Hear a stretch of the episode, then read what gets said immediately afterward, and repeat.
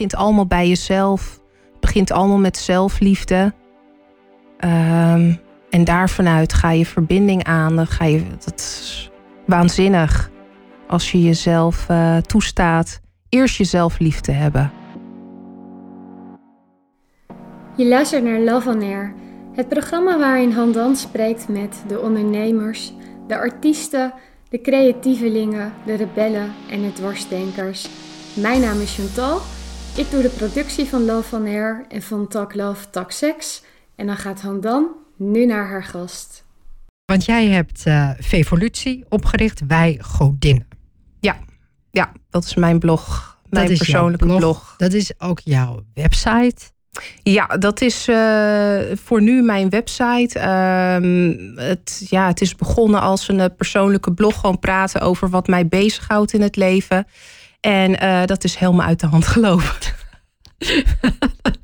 Want ik bleek best wel veel te vertellen te hebben over mijn leven. En ja, ik ging mee op de flow en er ontstond iets eigenlijk best wel groots. Ja, en eh, nee, ik ben er trots op. Ik vind het super leuk om te praten over datgene wat me bezighoudt. Spiritualiteit, seksualiteit ook. En nou ja, dat brengt mij dus ook hier bij jou. Exact, want dat is ook precies waar we bij Love on Air de laatste tijd steeds meer over praten. Is eigenlijk die, die connectie van liefde, um, seksualiteit, spiritualiteit ook wel. Um, Eigenlijk nu niet zo heel veel. Het gaat ook wel heel veel over gezondheid. Maar daarom vind ik het ook zo leuk dat jij er bent. Nou, dankjewel. Daarom, met jou zou ik daar dus echt dus over kunnen praten. Maar eerst wat meer over jou. Vivian, uh, ik begin altijd met waar kom je nou vandaan? Want je komt uit Amersfoort, begrijp ik? Ik woon in Amersfoort. Uh, ik ben er niet geboren, niet getogen. Um, ik ben uh, geboren in Amsterdam. Opgegroeid. Je hm? bent wel Amsterdams. Ik wist het. Uh, ja, geboren in Amsterdam. Ik heb de eerste vier jaar van mijn leven gewoond. Toen ik vier jaar oud was, verhuisde ik naar Hoofddorp. Daar heb ik tot mijn 24ste gewoond. En daarna ben ik uit huis gegaan en in, in Den Haag gaan wonen. Jaren gezeten. Daar ontmoette ik mijn ex. die is toen bij me ingetrokken. Kregen we een kindje. En, maar we misten een sociaal vangnet voor onze dochter. toen maar één kindje. Dus zijn we verhuisd naar Amersfoort, waar hij vandaan komt. En daar zit ik nu dus 4,5 jaar. Ja, met ook nog een tweede kindje erbij. Met inmiddels een tweede erbij. Ja, een tweede meid. Dus, ja. oh, eh, twee, twee, meisjes. Twee meisjes. Amersfoort, wel prachtig. Hè? Ja, het is een hele mooie Het is een hele mooie stad. Ik, uh, ik moet heel eerlijk zeggen, ik zou nooit meer terug naar Den Haag willen. Of ook niet naar Hoofddorp. Het is, ik voel me daar zo thuis. Het is ook lekker in de natuur, heel groen. En uh, nee, het klopt gewoon helemaal dat ik, de, dat ik daar woon. Ja, dat begrijp ik. Ja. Leuk. En uh, nee, want ik vind het echt een hele mooie stad. Ik moet ook, ik, Fatma Kusarkaya, die is bij jullie volgens mij ook, zij is een van jullie wethouders volgens mij. Ja, kom, ik heb de naam wel eens uh, voorbij uh, zien dat komen. Een, uh, dat is nog wel een goed, of tenminste, ik ken haar, ik ken haar redelijk. Ja, goed. Oh, ja. kijk. Ja, dus Amersfoort. daarom dat ik ook al die posts over Amersfoort blijf zien. ja, dat is, mm -hmm. wel, is wel heel leuk. Maar dus Amersfoort, twee dochters heb je. Mm -hmm. um, en je bent naast wat je doet, zeg maar, ben je ook nog stewardess. Ik werk als stewardess bij een grote luchtvaartmaatschappij. Uh, ik ga geen reclame maken. maar het is een grote. De grootste. De grootste, inderdaad. ja, dat, uh, dat doe ik parttime. En uh, ik ben op dit moment heel druk bezig met het oprichten van mijn... nou ja, eigenlijk hervormen van mijn bedrijf. Ik had namelijk een massagesalon aan huis... Um, daar geef ik, gaf ik holistische massages, ontspanningsmassages. Um, maar ik wilde uitbreiden. En, uh, dus ik, ik moest een andere naam hebben, een andere website. En dat is waar ik nu middenin zit. En um, ja, ik ben daarnaast ook ademcoach, net uh, afgestudeerd. Dus echt super blij mee. En ik begeleid ook bij magische truffelceremonies. Dus dat ga ik allemaal integreren in mijn bedrijf. In je nieuwe... in mijn nieuwe bedrijf. Je bent ademcoach. Beginnen we ja. eerst eens daar. Wat, wat is een ademcoach? Nou, een ademcoach die uh, begeleidt eigenlijk uh, iemand bij zijn of haar innerlijk proces. Uh, geactiveerd door middel van je ademhaling. Dus wat, wat ga je eigenlijk doen? Je gaat gecontroleerd ademhalen. zonder een, tussen, een pauze tussen in- en een uitademing. Daardoor breng je jezelf in een soort van staat van hyperventilatie. Nou, het is niet echt hyperventilatie, maar je zuurstofgehalte verandert, waardoor je in een andere mm, gemoedstoestand komt en je onderbewustzijn naar boven komt. En dat is, that's where the magic happens. dus dan gaat iemand... Uh, wat gebeurt er dan? Want je zegt, that's where the magic, magic happens. Heel veel. Wat gebeurt er? Ja. Nou, in het dagelijks leven, ja, je functioneert natuurlijk... Uh, Um, niet vanuit je onderbewustzijn, maar vanuit gewoon bewustzijn. Uh, je doet dingen gewoon heel bewust. Um, als je dat uitschakelt, dan komt eigenlijk alles naar boven drijven wat je uh, nooit een plekje hebt kunnen geven. Dus uh, trauma's die je hebt opgelopen, zowel um, emotioneel, spiritueel of fysiek, komt allemaal bovendrijven en dat ga je dan door middel van je ademhaling een plekje geven. Ja. Het is, uh, door middel van je ademhaling? Ja, door middel van je ademhaling heb je helemaal niks anders voor nodig. Geen, geen psychedelica zoals uh, magische truffels. Het is puur je eigen ademhaling. Waardoor je uh, zelfs in een extase kunt, kunt komen. Ja. Ik, heb, ik moet eerlijk zeggen, ik heb natuurlijk wel eens ademhalingsoefeningen en zo gedaan. bij yoga is ademhaling heel belangrijk. Is de basis. Ja, en ik heb natuurlijk ook wel eens zeg maar andere soorten ademhaling gedaan. Dus ik begrijp ook wel dat je echt al die kleuren en zo kan zien. Het is mhm. echt inderdaad eh, magische truffels noemde jij het, maar magische ademhaling is ja, het echt. Ja, dat is het. Het is helemaal voor jou. Het is uh, je lichaamswijsheid uh, wordt als het ware geactiveerd. En je herinnert je dan op een gegeven moment van wie je eigenlijk bent zonder al je ballast. Ja, ik vind dat echt heel mooi. Hoe ben jij op die weg dan gekomen? Je bent op een gegeven moment gaan denken van ik ga maar eens ademhalen. Weet je? Nou, het is, ik moet wel echt heel erg terug de tijd in hoor. Uh, het is allemaal begonnen met. Uh, nou, ik ben eigenlijk al jaren met persoonlijke ontwikkeling bezig. Ik weet nog dat ik iets van 15 of 16 jaar oud was. Toen uh, heb ik wel eens een cursus astrologie gedaan. En uh, niet afgemaakt overigens, want het was heel prijzig. En ik had niet zoveel geld als, uh, als jong meisje. Uh, maar ik had al interesse in spiritualiteit. En dat, dat ontwikkelde zich verder. Ging tarotkaarten leggen en edelstenen kopen. Ja, dat, dat loopt gewoon uit de hand. En op een gegeven moment kwam ik bij Reiki terecht. Maar dat is echt vele jaren later. Dus ik, mijn basis eigenlijk was, was nou ja, astrologie. Dat werd Reiki. En... Um, daarvanuit heb ik het ook eventjes een tijdje losgelaten. Gewoon mijn leven geleid. En uh, ja, heel veel uh, fouten gemaakt, verdriet gehad, uh, depressief geweest. Echt alles is voorbij gekomen. Totdat ik op een gegeven moment. Um, mijn tweede dochter was bijna een jaartje oud. En toen dacht ik van joh. Wat ben ik allemaal aan het doen in het leven? Ik, ik, ik ben niet eigenlijk. Ik weet niet of ik happy ben met mijn werk. Ik, ja, wat, ik, ik zit hier maar in een relatie. Ik, ik weet het allemaal niet. Nou, uh, de rest maar één ding, uh, antidepressiva. Maar ik, ik had daar geen goede ervaringen mee vanuit mijn moeder gezien. Ik zag, uh, vroeger heeft mijn moeder ook een tijdje antidepressiva geslikt. En die werd daar een flatliner van. Dus ik had zoiets van alles behalve dat. Flatliner, en dan bedoel je mee dat ze haar emoties gewoon heel... Heel, heel vlak. Ze kon niet huilen, ze kon niet lachen. Het was gewoon heel monotoom. Dus ik dacht bij mezelf van nee, er moet meer zijn dan alleen maar antidepressivum. Dus uh, via een, uh, een beste vriend van mijn ex, die zei van Vief, uh, weet je wat mij geholpen heeft?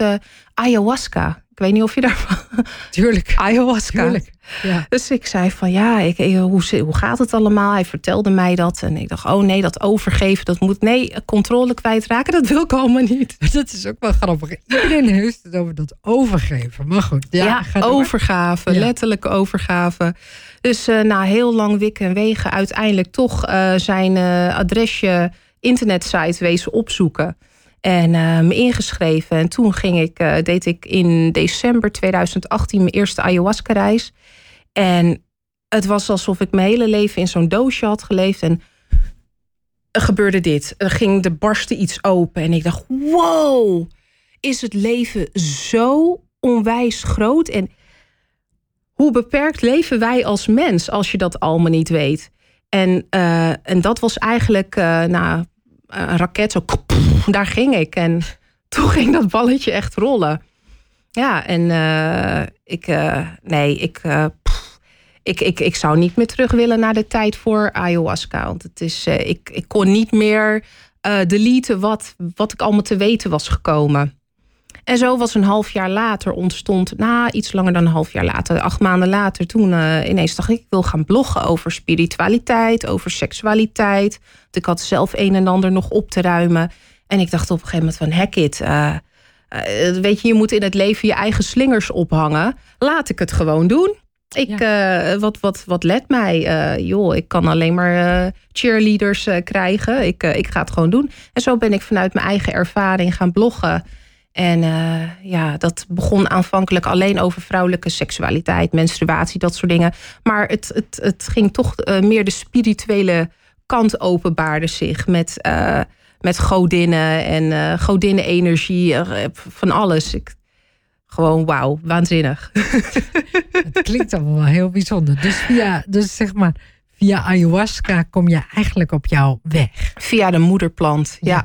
ja. en ben heb ik... je het wel eens vaker gedaan dan die ene keer? Ik heb het vaker gedaan. Een half jaar later ging ik nog een keer. Dat was in oh. juni 2019, geloof ik. Um, toen kwam ik ook echt uh, met mijn um, Afrikaanse moedergodin in uh, contact, Yemonya. En uh, zij ging mij eigenlijk als het ware guiden in mijn moederschap ik kon haar, haar uh, guidance voelen. Van uh, zo moet je het doen. En alles mag er zijn wat je voelt. En ga het maar omarmen. En jij bent ook mijn kind, net als vele andere vrouwen. En ja, en, uh, ja toen was er geen weg meer terug. open. Ik ging down the rabbit hole. En ik, ik zit er nog steeds in. Ja, ja, ik snap het. Nee, want ik heb het ook één keer gedaan. Eén keer? tweede keer heb ik nog niet, nog niet gedaan. -huh. Maar één keer wel. En... Uh, ja, ik, ik vond het sowieso ontzettend bijzonder. Dat moet ik wel, uh, moet ik wel zeggen. En nog steeds die plaatjes uh, en alles wat ik heb gezien staat me nog heel erg bij. Het is bizar hè, wat ja, je te zien krijgt. Ja, het, het kan je niet met woorden... Nee. Je kunt het proberen, maar je kunt het eigenlijk niet met woorden omschrijven. Het is... Nee, het is ook... Ja, en de dingen die je te zien krijgt, heel veel dingen ook die met op dat moment te maken hadden, maar ook heel veel dingen van vroeger heel veel. Nou, ik, ik kan het bij. Gewoon, nou, het voelt als een enorm lange, grote droom of zo. Ik weet niet precies hoe ik dat moet zeggen, maar dat had jij natuurlijk. Ja, ook, uh, ja absoluut. Ja. ja. Dat is, uh, ja, was heel, uh, heel bijzonder. En ik heb het ongeveer in de tijd dat jij dat ook hebt gedaan, heb ik het ook gedaan. Zo, het is ongeveer dezelfde tijd geweest. Oh, mooi. Ja, ja er zijn veel mensen met ons hoor, die het in die tijden in, rond die tijd ontdekt hebben. En uh, de aanbieder waar ik uh, heen ging, dat was uh, de gewijde reis. Ja. Die biedt het helaas niet meer aan, omdat het natuurlijk verboden is. Maar goed, er zijn wel nog aanbieders onder de radar. Ja. Um, maar goed, deze aanbieder. Um, ja, de gewijde reis. Ik ben mijn draadje nu even kwijt. Wat wilde ik zeggen over de gewijde reis? Nou, daar ben ik dus begonnen daar is eigenlijk uh, het spirituele, ben ik echt uh, met een raket gelanceerd. Ja, ja ik snap ja. het. En zo kom je dus zeg maar bij je blog terecht. Ja. Um, maar je bent blijver stewardesse, zeg maar. En dat blijf, blijf, ja. blijf je ook nog steeds doen. Ja, dat blijf ik ja. voorlopig doen. En um, mijn doel, wat ik eigenlijk, mijn intentie is om per januari uh, nog iets minder te gaan vliegen. Zodat ik wat meer tijd heb om in mijn, in mijn uh, bedrijf te investeren. Oké. Ja, ja, want het is wel de bedoeling dat ik ga groeien. En uh, ja, ik ben wel heel uh, veel grootse dingen van plan. Ja, Vooral met de truffelceremonies. Dus, ja, ja. Dus, dus, nu komen we bij het volgende onderwerp: truffels. Truffels, magische truffels, ja. Dit is allemaal wel. ja, de, ik moet ook. Natuurlijk ken ik ook magische truffels.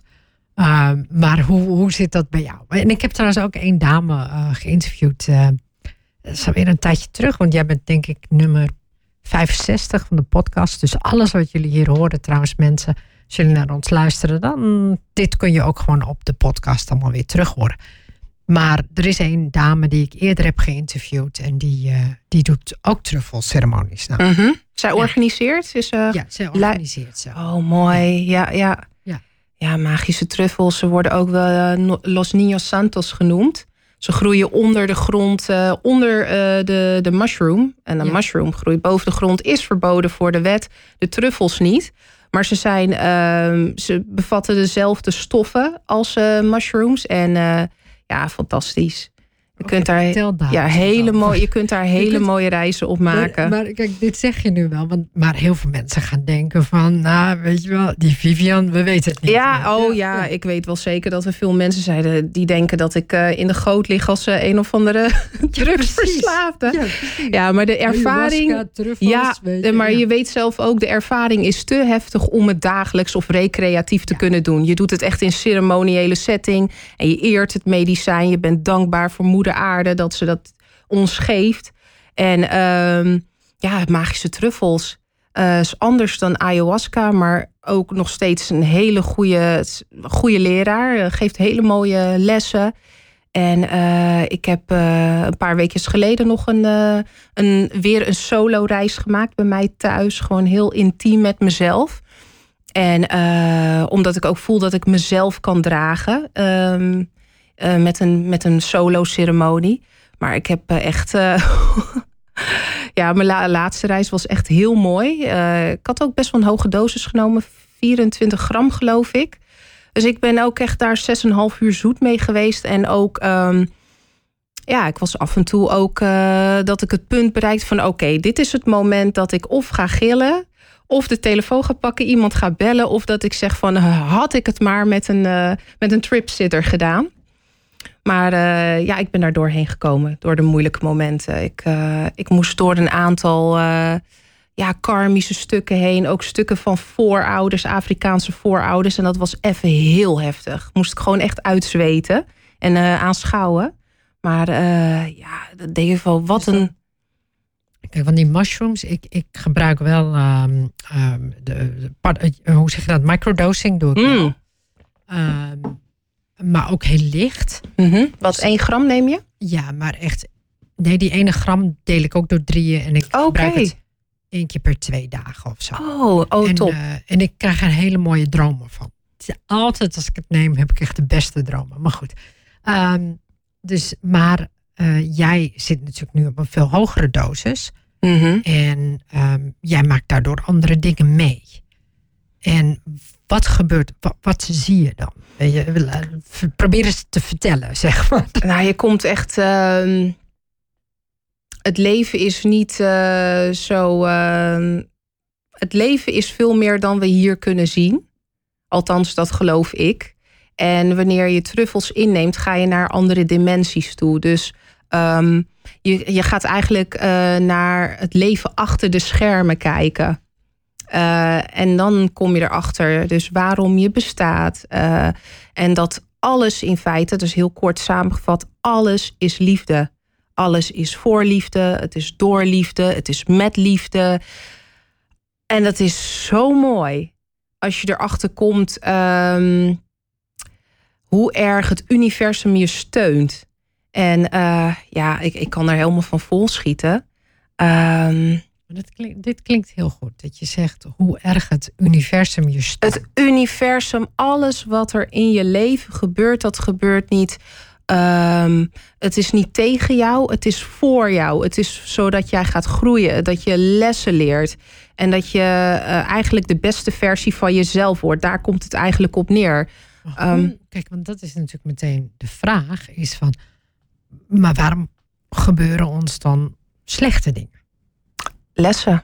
Lessen. Completion. En soms zijn die lessen echt en, zo ja, hard. Het, het, en het is een misvatting van heel veel mensen dat het leven altijd leuk moet zijn. Uh, vooral met sociale media.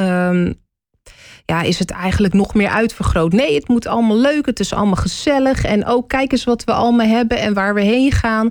Maar um, achter al die mooie foto's kan zoveel verdriet of eenzaamheid zitten.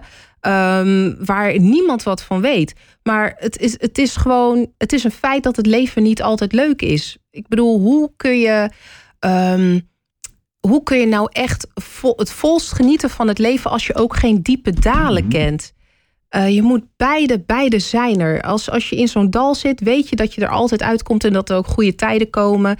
En je weet ook, uh, het, ja, het blijf, het, je blijft er niet in zitten. Het kan lang duren waar je in zit, maar nou ja, alles is tijdelijk uiteindelijk. Uh. Maar nee, maar omdat het, eh, omdat het zo in tegenstelling kan staan -hmm. van wat jij dus zegt, weet je wel, van dat het universum altijd achter je staat.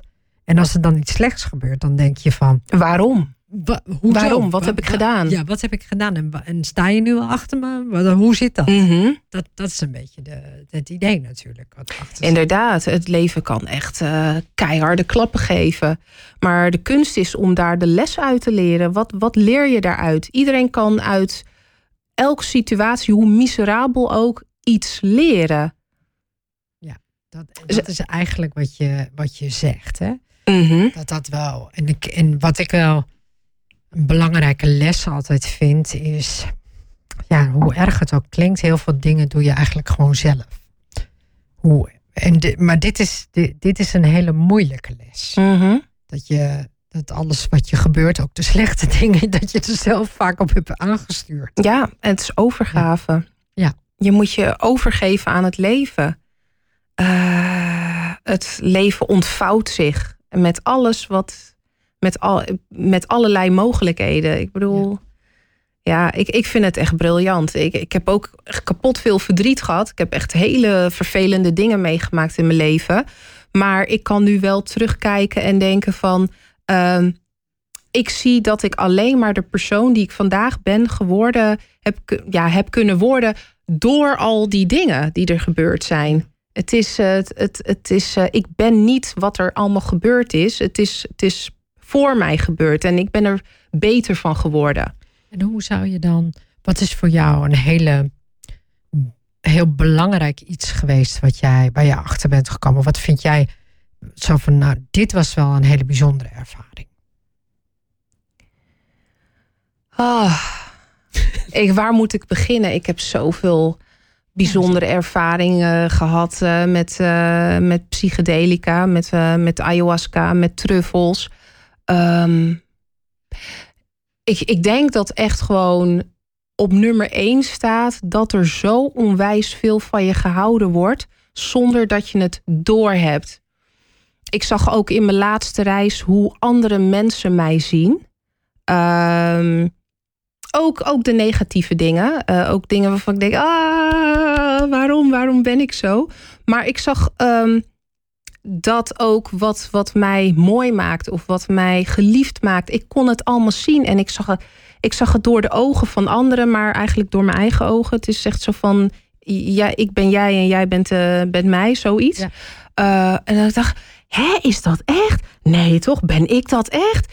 En het universum zegt gewoon, ja, dat ben jij. Dat, dat ben jij, zo groot. Je bent zoveel groter dan, dan wat, je, wat je denkt. En je hebt al zoveel betekend voor mensen om je heen. Pff, en, dat, en dat zetten zij ook weer voort. Dat, dat is een soort van eh, kiezelsteen wat in het water valt... in zo'n ripple effect. En ja, Dat is wel wat je dus hebt gezien. ja, het is echt, er wordt zo onwijs veel van je gehouden. Door je voorouders, door, eh, door, nou, mensen om je heen, door het universum, door de goden, door de godinnen, door, door alles, door de stenen, de, de dieren. Alleen maar liefde. En bij mij altijd komt het tijdens zo'n ceremonie op een punt dat ik, dat ik zoveel liefde voel. Van alle kanten dat ik het niet aan kan en dat ik ga huilen. Dat is, ik, ik trek het niet meer. Het is te veel. Het is te veel liefde, ik trek het niet meer. maar, maar dit is ook wel mooi, hè? Dat je. Want dat is net zoals, eh, zeg maar, in die cursus in wonderen, dat we eigenlijk niet. We, we zijn bang voor onze eigen grootsheid, Oh. maar we zijn dus ook bang voor zoveel liefde. Want eigenlijk kunnen we dat niet aan. Het is makkelijker om te denken van. Het is makkelijker om slecht te denken, lijkt Mhm, het wel. Ja. Ja, ja, inderdaad. Dat Weet je, als je slecht denkt, je gaat dan ook overal bevestiging krijgen van, eh, de, van je overtuiging. Ik, heb, eh, ik, ik, ik maak het wel eens mee dat ik echt een ja, scheiddag heb. Eh, en dan de straat op ga met de bakfiets en fietsen. En dat met het verkeer niet loopt. En dat, dat, dat ik grumpy ben en dat mensen op mij reageren. En dan kom ik wel ergens te laat. Of er staat zo'n rij bij de kassa. En dat het een soort van dat het door, doorzet. Dat als ik mijn dag veel relaxter begin, dat alles ook gewoon relaxed meevloeit met mij. Het is eh, Ja. heel bijzonder hoe jij zelf ehm, wel een heel groot deel van je eigen levenservaring in de hand hebt. Dat is, ja, het is een spel. Het leven is echt één groot spel. Dat is ook iets wat ik altijd bij al mijn reizen boven wat, wat duidelijk naar voren kwam. Het leven is een spel. Het is één groot spel en iedereen neemt het zo serieus. Maar het is, als je zegt het is één groot spel. Het is een groot spel. Je wat, moet... bedoel, wat bedoel je daarmee? Weet je, wat, moeten we niet? Kijk, ik ben, een, ik ben iemand die het leven best serieus neemt. Hè? Ik bedoel, zo zie ik er misschien niet altijd uit. Maar uh, ik, ik, was van het weekend was ik jarig en er waren allemaal vriendinnen. En die hadden bedacht dat ze me allemaal iets gingen vertellen over mezelf. En, uh, en daar kwam dan, het meeste wat eruit kwam, is dat het lijkt alsof ik niet serieus ben. Uh, maar dat ze dan altijd achterkomen dat ik echt vreselijk serieus ben. Want het is ook echt zo. Ik ben ook best wel heel serieus. Um, dus ik vind het altijd heel moeilijk om te zeggen van. Dat als mensen tegen mij zeggen: neem het niet zo serieus, denk ik altijd: ja, maar hoe dan? Wat moet ik dan doen? Weet je wel zo. Ja, het is eerder van. Uh, nou ja, dat wat, wat anderen tegen je zeggen, ja, het is moeilijk. Soms komt dat gewoon binnen. Maar als iemand iets tegen je zegt, um, dan heeft dat alles met. Ten eerste alles met de persoon zelf te maken. Want je ziet het leven door je eigen bril. Hè? Um, uh, en als het je raakt, ja, dan, dan moet je bij jezelf te raden gaan van, maar waarom dan? Waarom raakt hoe, het mij? Hoe kun je het dan lichter maken? Laat, laat ik dan de vraag beter stellen. Hoe kan ik het lichter Hoe kan je het lichter maken? Weet je, hoe kun je nou dat stuk wat je zegt, neem het niet zo serieus. Hoe dan? Ja, we zijn allemaal, uh, we zijn allemaal hetzelfde. We willen allemaal hetzelfde. We willen allemaal gelukkig zijn. We willen allemaal gezond zijn ja, hoe zou je het voor jezelf uh, makkelijk kunnen maken? Misschien niet ook niet meteen reageren. En dat is moeilijk hoor. Dat vind ik zelf ook moeilijk. Ik betrap mezelf er regelmatig op, ook vooral met mijn kinderen. Als die bij me zijn, zijn die een paar, ja, kunnen best wel wat dagen bij me zijn. En we triggeren dingen in elkaar. Uh, en het is zo moeilijk om niet meteen te reageren. Maar daar zit wel echt een deel van de oplossing. Hmm. Gewoon even gas terug, even ademen Even laten zakken, even de, de emoties doorvoelen. Oh ja, voel je emoties. Wat je op dat moment voelt, voel het maar. Laat het er zijn. Laat boosheid er zijn. Laat uh, verdriet er zijn. Of teleurstelling. Of jaloezie zelfs. Laat het er maar zijn. En ga niet zeg maar er tegen vechten. Nee, niet vechten. Ga het maar gewoon doorvoelen. Alles mag er zijn. Ik, had, uh, ik moet altijd denken aan dat boek van Milan Kundera. Weet je, de, de ondraaglijke lichtheid van bestaan die, die, dat dubbele daarin. Weet je, mm het ondraaglijke, maar toch wel lichtheid van bestaan. Maar nou ja, goed, het is, uh, vond ik altijd een hele mooie titel. Ja, heel mooi. dat, dat zegt heel veel in één keer. Maar ik vind het mooi hoe je het, uh, hoe je het uitlegt. En ook wat ik ook leuk vind is. Nou, ik vind het best wel moeilijk hoor om, om het precies uit te leggen. Want het is, ik kan het niet in woorden samenvatten. Het, is, het is te groot. Maar, maar ik doe mijn eh, best. maar, maar wat ik wilde zeggen is dat je dat als jij het vertelt, komt het ook wel echt over als, um, als alsof het klopt. Weet je, ik, soms, ik kan niet van iedereen zeg maar hebben als ze bepaalde dingen zeggen. Maar voor jou kan het, kan, werkt het heel goed. Oh ja? Oké. Het voelt als van, oh ja, dat, ik snap wel wat ze bedoelt of zo. En dat is wel, eh, dat is wel mooi, hoe je, dat, uh, hoe je dat uitlegt. En ook als je zegt van alles is liefde. Mm en dus, want Zelfs als het pijn doet. Ja, dus hier had ik het vorige week ook met iemand over. Alles is liefde. En ook de onvoorwaardelijkheid van liefde. En ik zei, en vorige week zei ik van, goh, weet je wel, maar stel je voor dat je wel een voorwaarde hebt. Heb je dan nooit voorwaarden? Dus moet je liefde gewoon laten zijn. Hoe werkt dat? Hmm. Dat is een vraag uh, wat me ook best wel uh, bezig gehouden heeft. Uh, vooral met de, nou ja, de vader van mijn kinderen. Het was een hele mooie relatie. ik, ben hem heel, ik ben heel dankbaar dat ik hem ontmoet heb. En we hebben twee prachtige dochters gehad. Maar er was iets, um, ja, dat had ik niet meteen in de gaten ik ben een verbinding met hem aangegaan in de tijd. Ik kwam uit een hele moeilijke relatie daarvoor. Helemaal afgebroken. En uh, nou ja, ik, ik, ik had angst om alleen te zijn. Uh, dus ben ik gewoon weer op een datingsite gegaan en zo ben ik uh, hem tegengekomen. maar ik had eigenlijk gewoon een tijd, een break voor mezelf genomen moeten hebben om mezelf te leren kennen en mezelf weer op te bouwen. Gewoon, met me, gewoon blij te zijn met mezelf. Um, dus ik ben eigenlijk ondanks, ik ben heel erg verliefd op de vader van mijn kinderen geweest. En uh, we hebben echt heel veel pret gehad. Heb ik het gevoel dat ik niet vanuit uh, met een goede fundering de relatie met hem aan ben gegaan. Uh, waardoor ik er eigenlijk achter kwam dat het op, niet op alle vlakken van onze relatie was het onvoorwaardelijke liefde. Echt absoluut niet. Van, tenminste, ik spreek van mezelf.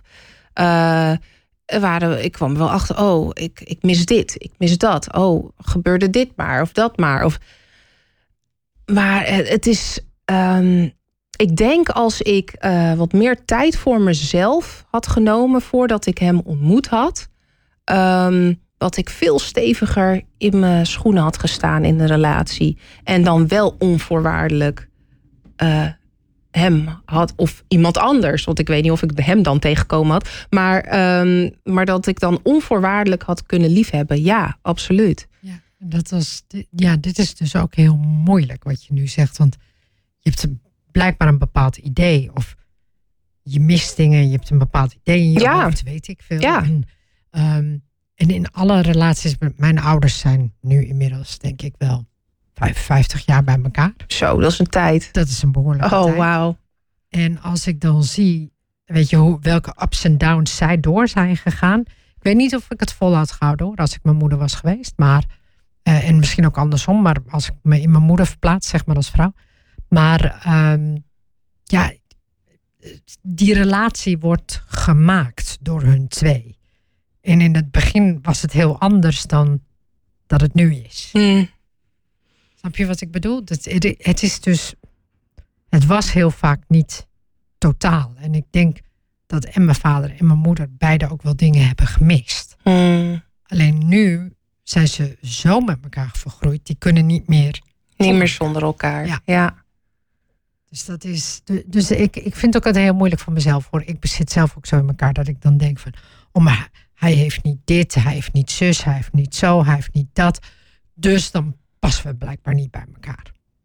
Nou, het was bij, uh, bij mij dan zo dat um, ik eigenlijk al niet heel, als heel persoon, de relatie in ben gestapt. En uh, nou ja, er is iets in ons allebei geweest wat we, hebben ons, ja, we hebben ons aangetrokken tot elkaar gevoeld vanuit een bepaald punt in onszelf. Um, ja, het is, het is heel gevaarlijk als je vanuit uh, je gewonde zelf. Ik heb er zelf ook over geblogd. Uh, gewonde masculien en uh, gewonde feminien. als je daar vanuit de verbindingen aangaat met iemand, dan kom je in zulke lastige patronen terecht. Dat is echt bagger. Maar nu, nu je dit zo mooi zegt, de gewonde feminien en de gewonde masculien, wat bedoel je daarmee? Nou, dat is eigenlijk. Uh, ik, ik zeg niet dat je helemaal geheeld moet zijn van al je trauma's wanneer je een relatie of een connectie met iemand aangaat. Uh, maar je basis moet gewoon heel stevig zijn. Je moet weten wie je bent en waarvoor je staat. En er moet zelfliefde zijn. Als er zelfliefde uh, niet is, dan kun je niet. Um, dan, dan, ga, dan, dan kun je niet de liefde van een ander voor jou herkennen. Want dan zal je altijd zeggen, ja maar, ja maar dit. Of dat heb ik ook een tijd gehad. Dat ik dacht van, hoe kan je nou van mij houden als ik zo uh, fucked up ben?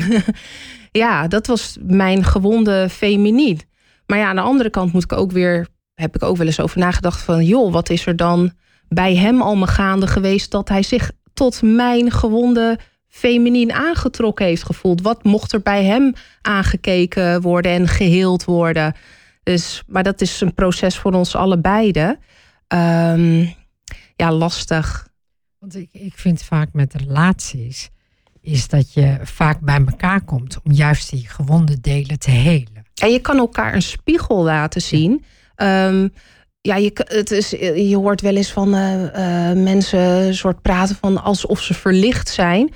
Uh, maar dan zeggen ze als grap nog van... Uh, you think you're enlightened? Go spend a one week with your family. Weet je, en je gaat gewoon merken... dat, je, dat er nog best wel veel valt te helen. En dat je je ergernissen hebt en je triggers. Um, nou, dat... dat ja, dat in, in, in een, een ja, je kan een hele goede relatie met jezelf hebben, maar anderen laten jou dingen van jezelf zien die, in jouw die jij in je schaduw hebt gezet of waar je niet bewust van bent. Dat, dat stellen zij eigenlijk aan de kaak. Dat is eigenlijk wat gebeurt. Dus in een relatie kan je heel veel van jezelf leren en samen helen. Mits je um, echt in verbinding blijft, blijft communiceren en geen manipulatieve tactieken toepast, dan kan dat prima. Dan kan je allebei gewond zijn en samen helen. Um, maar meer de gewonde masculien en de gewonde feminien is meer um, ontwijkend. Ontwijkend. Niet naar de dus kern. dan ga je het dus niet aan. Nee, je gaat het niet aan. Er is een hoop kabaal, een hoop drama en uh, breaking up en coming back together. Maar je gaat eigenlijk allebei niet naar de kern van waarom je samen in dat patroon zit. Uh, ja, dat is vanuit een gewonde plek in jezelf. Ja. Dus dat is wat ik bedoel met gewonde masculien, gewonde feminien. Ja, ik begrijp ja. het. Of tenminste, ik, ik, ik zeg wel, ik begrijp het, maar het is, het is wel een, het is gewoon een zoektocht. Het is een zoektocht, ja. Het is echt een zoektocht. Trouwens, even voor de luisteraars. Uh, jullie kunnen ons uh, gewoon op de site van Haarlem 105 ook echt zien. Uh, mocht je vragen hebben aan Vivian, kan dat ook via Facebook. Dus mocht je, ik heb Facebook aanstaan. Dus als je vragen hebt, schrijf ze op. Ik reageer altijd en ik stel ze ook gewoon aan Vivian. Dus uh, mochten mensen zijn die denken van, hé, weet je, waar hebben we het nu over? En mocht je ook denken van, ik ga dit later terug horen, dat kan ook altijd. Morgen heb ik de podcast klaar en dan, uh, dan is het ja, ook... bent snel. Best wel een beetje snel. dus, uh, maar goed, maar, maar, heel bijzonder wat je, wat je doet. Maar vertel nu eens over um, wij godinnen, Vevolutie. Vevolutie, wij godinnen. Ja, dat, uh, zoals ik al zei, het, het, is begonnen als een uh, persoonlijke blog. Bloggen over datgene wat mij bezighoudt, dus moederschap. Want uh, moeder worden was geen makkelijk proces voor mij.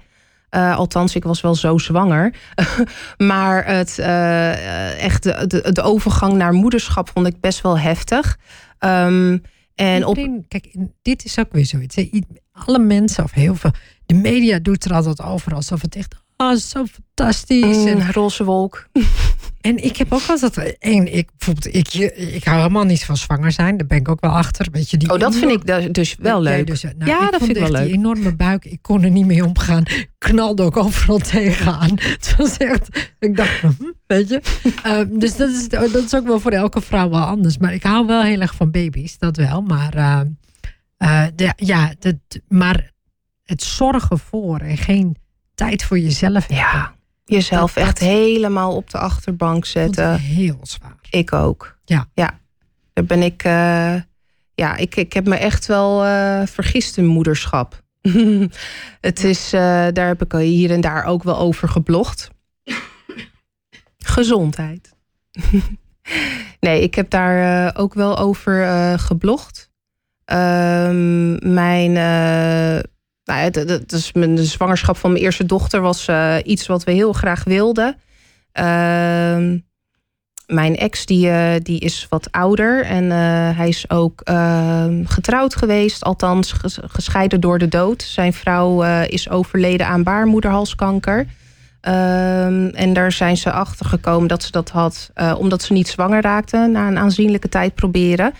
Dus ik gunde het hem ook heel, heel erg om vader te worden. Dus wij hadden zoiets do we like each other? Yeah, do we love each other? Oké, let's do this. En eerste keer, hup, meteen raak. En, uh, maar het was zo'n chaos in mijn leven op dat moment. Ik weet nog, uh, mijn woonkamer werd uh, verbouwd. Moest nog schilderen. Uh, ik was echt, we woonden nog ineens samen. We hadden zoiets, oh, dat gaat vast wel even duren voordat, uh, voordat we zwanger zijn. Maar nee, het was meteen zover. Dus alles ging in een, uh, in een sneltreinvaart. En in de tussentijd kreeg ik ook te horen dat mijn oma in Portugal ziek was. Die had op dat moment baarmoederkanker. En kreeg chemo en het was allemaal zwaar. En tijden, ik was toen volgens mij een maandje of vier zwanger dat mijn moeder naar Portugal ging. Eh, om mijn oma te verzorgen. En uh, dat ik zoiets had, ja, zou ik wel gaan, niet gaan, wel gaan, niet gaan. En toen zei mijn, uh, mijn chefin, mijn leidinggevende van... joh, het is je oma. Als jij graag naar je oma wil, ga. ik geef je zo vrije dagen en dan zien we je over twee weken weer terug.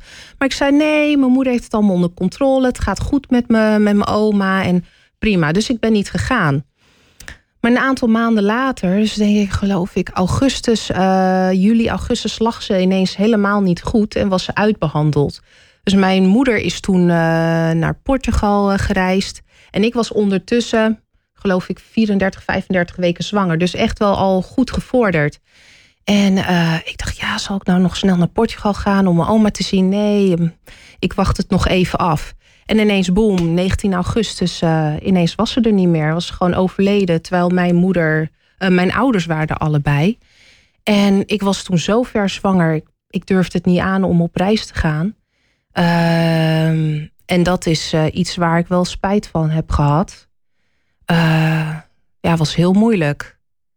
Heel moeilijk om mijn oma te verliezen, maar ook gewoon de focus te moeten houden op van joh, ik word over een paar weken zelf moeder en ik moet door. Dus ik ging door.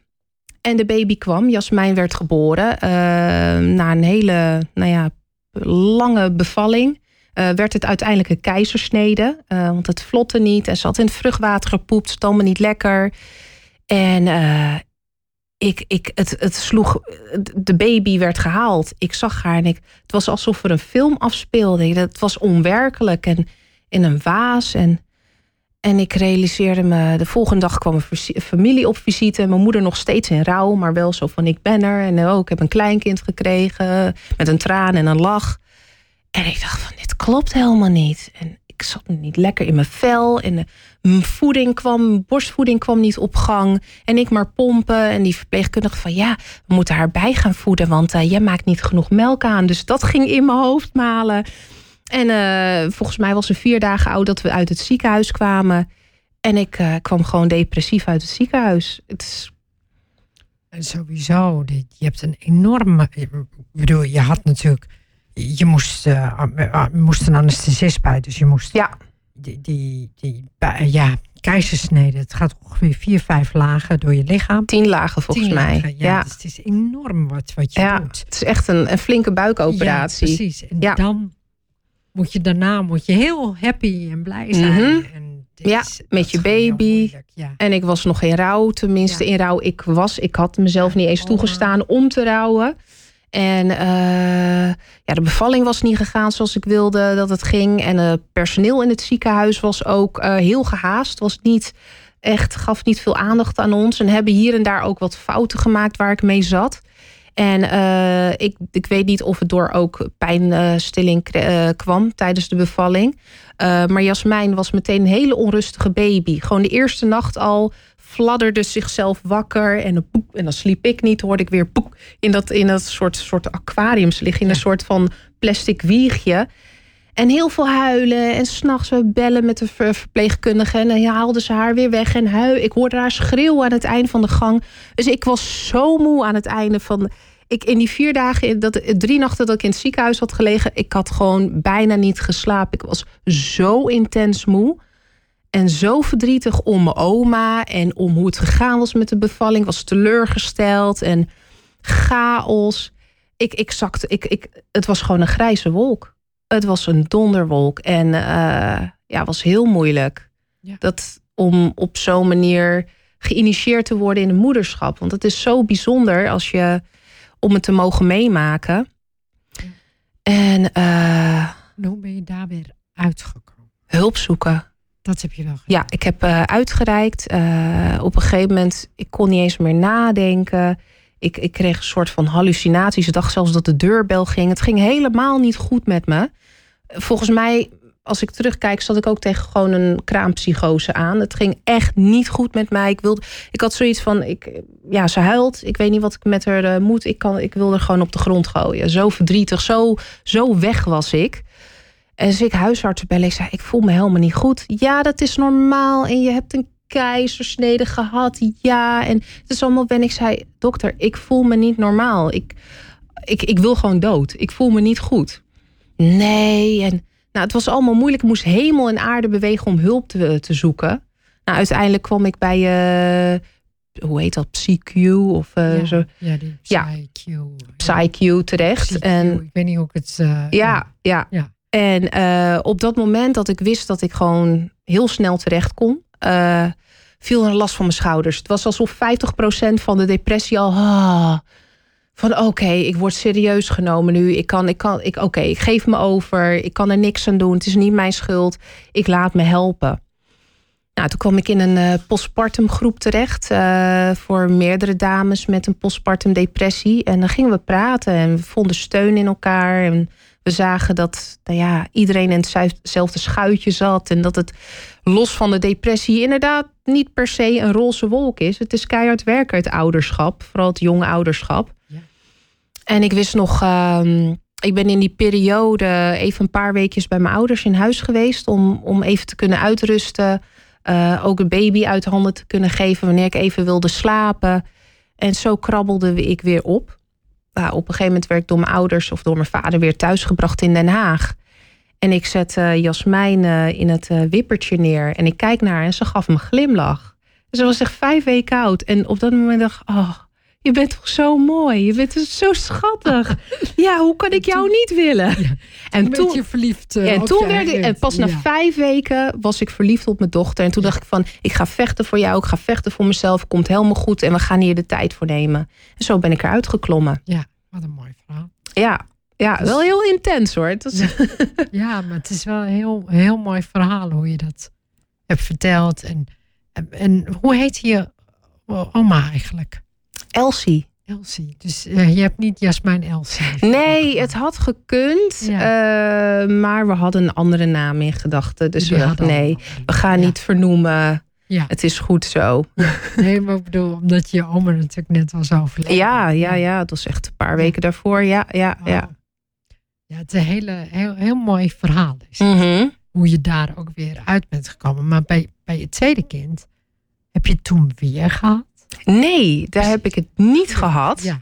Maar het, het, oh, het is een heel, uh, heel proces geweest na een tweede kind. Want um, we kwamen eigenlijk na de geboorte van Jasmijn en de depressie uh, allebei zo gehavend uit dat we zeiden van joh, uh, één kind is genoeg. we durven het niet meer aan, want stel je voor dat het weer gebeurt en zo. Mm, nou, Jasmijn groeide op en het, ik had moederschap, dacht ik wel door. Uh, nou, we waren nog niet in de peuterfase, maar goed, ik zat in de honeymoonfase met haar. Toen ik op een gegeven moment dacht, ik zei van, hmm, tegen mijn ex van, joh, zou het niet leuk zijn als, als Jasmijn een broertje of een zusje krijgt? Ja, maar stel je voor dat je weer een postpartum depressie krijgt. Zei, ja, ja, ja, ja, inderdaad, ja, ja. dat zou inderdaad uh, kunnen gebeuren. Dus ze hebben het weer even losgelaten. Maar goed, mijn ex die uh, deed af en toe wat uh, freelance werk met een vriend van hem. Uh, in het buitenland. En dan was hij een paar weekjes weg, waren ze filmen en uh, mooie van die, uh, van die fitnessfilmpjes voor revaliderende ouderen maakten ze. Dus hij was twee weken weg geweest en kwam toen na twee weken thuis. En we hadden elkaar zo. dat is gewoon grappig. We hadden elkaar zo onwijs gemist. Dat we gewoon echt zo patsboom, kleding uit, passion op de bank. Hup, en ik dacht zo van, hij vroeg nog aan mij van, goh, kunnen wij nu onbeschermd vrijen? Want ik uh, deed aan uh, temperatuursmethode. Ik zei ja, ik heb, ik, ik, volgens mij heb ik al geoverleerd, dus het kan. Dus wij, uh, nou ja, seks hebben. En wat bleek, dat ik dus nog niet geoverleerd had. En daar was Jade. daar kwam oh. Jade. Ja, dus ik ben, het was een oeps ben gewoon zwanger geworden uh, zonder dat het de bedoeling was. Terwijl ik had het wel bij mijn ex geopperd van... goh, zou het niet leuk zijn? Hij zei nee, laten we dat maar niet doen. Of we kijken wel hoe dat in de toekomst gaat. Maar ja, er wilde komen. En uh, ja, ja, er kwam uh, via een spontane sexual party on the, on the couch. maar dat is ook wel mooi. Jasmijn en Jade. Jasmijn en Jade. Bloempje en edelsteentje. ja. ja. ja. Dus, uh, maar goed, Jas uh, Jade kwam. En toen was het toch wel van wow, kleine paniek. Van wow, wacht even, dit is real. Hier zijn we nog niet klaar voor. Het is wel heel leuk, maar ook heel eng. hoe ga ik me voorbereiden? Dus toen ben ik mij gaan inlezen over ja, wat, wat, je, wat je allemaal zelf kunt doen om eventueel een postpartum depressie ja, te voorkomen of te verminderen, de, de kans kleiner te maken. Dus het ging bij mij om goede voeding. Ik moest uh, op mijn vitamines letten. Vitamine D. Want dat was bij Jasmijn. Uh, toen ik bloed geprikt had na de geboorte, was uh, mijn vitamine D-waarde 15. En dat hoort 80 te zijn. Dat is niet goed. Dus mhm. dat waren allemaal dingen waar ik op gelet heb. En, ehm, En toen kwam ik ook wel op een alternatieve pad terecht. ik ontmoette een doula, de holistic birth warrior, eigenlijk holistic doula, Wendy van der Zijde. En zij um, capsuleerde placenta's. En van uh, placenta's, nou, daar zitten zoveel stoffen in. Dat is eigenlijk um, je voedingsbodem van je kindje. Echt, het, het, is, het wordt gevormd uit uh, baarmoederslijmvlies, wat normaal als je niet zwanger bent loslaat. Maar wanneer je zwanger bent, bouwt dat zich op. Je kindje groeit daarin. En uh, ook een, voor een deel daaruit ontstaat uh, de placenta. Dus er zitten heel veel voedingsstoffen in. En naar verluid zou dat kunnen helpen met het voorkomen van een placenta. Dus ik dacht van goh, ik ga mijn placenta laten capsuleren. Ik ga gesprekken aan met, uh, met, met de verloskundige. Mijn huisarts zet ik klaar van, goh, het kan gebeuren. En in het uh, ziekenhuis heb ik gezegd van, oké, um, ik ben ik heb dus nu een high-risk zwangerschap. Uh, omdat ik een keizersnede heb gehad. Prima, ik wil best wel in het ziekenhuis bevallen. Maar dan niet, ik, moet, ik wil mobiel zijn. Ik wil een mobiele hartslagmonitor. Allemaal dat soort dingen. Geen pijnstilling, bla, bla, bla, bla, bla. Ik heb mijn ehm, placenta laten capsuleren. Omdat uh, daar zoveel voedingsstoffen in uh, schijnen te zitten. Uh, die ervoor kunnen zorgen dat je als nieuwbakken moeder een boost krijgt. Um, nou, placenta is eigenlijk het enige orgaan wat je kunt verkrijgen zonder te hoeven doden. Dus het is zo bijzonder. Het geeft, het geeft leven. Het voedt je kindje in de buik. En het kan jou als moeder na de geboorte dus ook voeden. Dus ik dacht van joh, baat het niet, dan schaadt het niet. Het is van mij. Uh, normaal wordt het weggegooid of uh, ik weet niet wat ze ermee in een ziekenhuis doen. Ik neem hem mee. En zo uh, is dat dus binnen 48 uur was het gecapsuleerd. En ben ik meteen gaan slikken. En... Ik, ja, het, het zou deels kunnen door mijn fysieke. Nou ja, ik was uitgerust. Eh, ik ging er heel relaxed in, uh, voorbereid. Maar ik geloof er zelf wel in dat uh, het slikken van placenta-capsules wel uh, mij sneller op de been hebben geholpen Mag na de bevalling. Het idee van: dit is mijn tweede kindje. Ik dus ken het al, ik, ik weet ken, al. Ja, exact. Ook, ook. Uh, ik was wel degelijk zelf, meer zelfverzekerd als, uh, als moeder. Maar er was toch nog iets in mij van ja, het, mijn moeder die heeft ook een postpartum depressie bij mij gehad. En ook bij mijn zusje. Dus ik dacht van wat als het mij ook dus overkomt. Bij twee kinderen. Bij twee kinderen. Dus ik heb er rekening mee gehouden. Maar juist, ik heb heel veel rust genomen. Uh, eerste week ben ik eigenlijk zo goed als alleen maar boven geweest. En uh, kwam ik alleen beneden voor het avondeten. En ja, ik denk dat alle beetjes geholpen hebben. Maar ik uh, ben wel mijn placenta heel erg dankbaar. Ik denk dat dat echt wel meegespeeld heeft. Misschien is het ook echt wel een goede tip om dat, om dat soort dingen ook te doen. dat je ook dus, zeg maar, ja, je kunt dus ook andere dingen doen dan de reguliere ja, dan de reguliere dingen. Ja, ja dus absoluut. Wat dat betreft, dat, dat heb je absoluut goed, uh, goed gedaan. Ja, het was echt rust, regelmaat en reinheid. En heel veel hulp van de familieleden met maaltijden. Het was echt top. Ja, dus dat doe je, dat doe je ook echt, uh, echt heel goed. Um, heel eventjes, ik zat, en, want, je, want je hebt natuurlijk, je bent Vevolutie wij godinnen toen begonnen. Hè? Mm -hmm.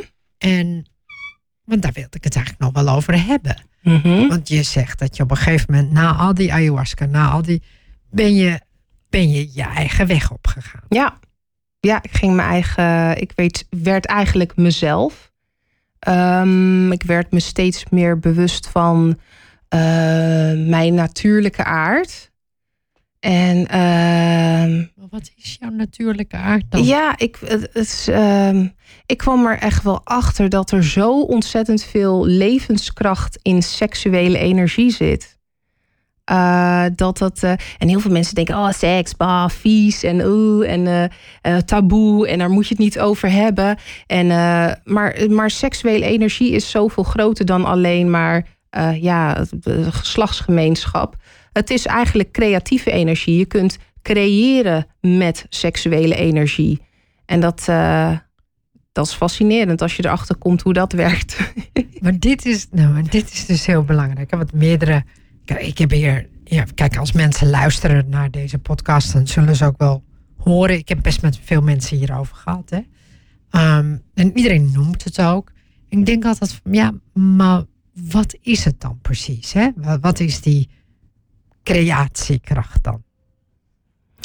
Wat, wat, wat, hoe werkt het? Het is. Uh, het komt vanuit je basis. Uh, je hebt je onderste chakra's. Je hebt je wortelchakra en je sacraal chakra. Uh, heb je wel eens van Kundalini gehoord? Natuurlijk. Ja, Kundalini. ik, heb, ik ben zelf ook. ik ben zelf getraind in sex, love en relationships. Kijk. En, uh, en ook natuurlijk een yogi, waarin, waarin natuurlijk de Kundalini Rising uh, in voorkomt. Maar het is, kijk, ik zelf heb dat wel gehad, maar voor de luisteraars is het wel handig misschien als je iets erover wil vertellen. Ja, seksuele energie. Um, wij komen allemaal voort uit seksualiteit of uit seksuele, seksuele energie. Het is, we zijn eruit ontstaan. Het is je basis. En het is helemaal van jou.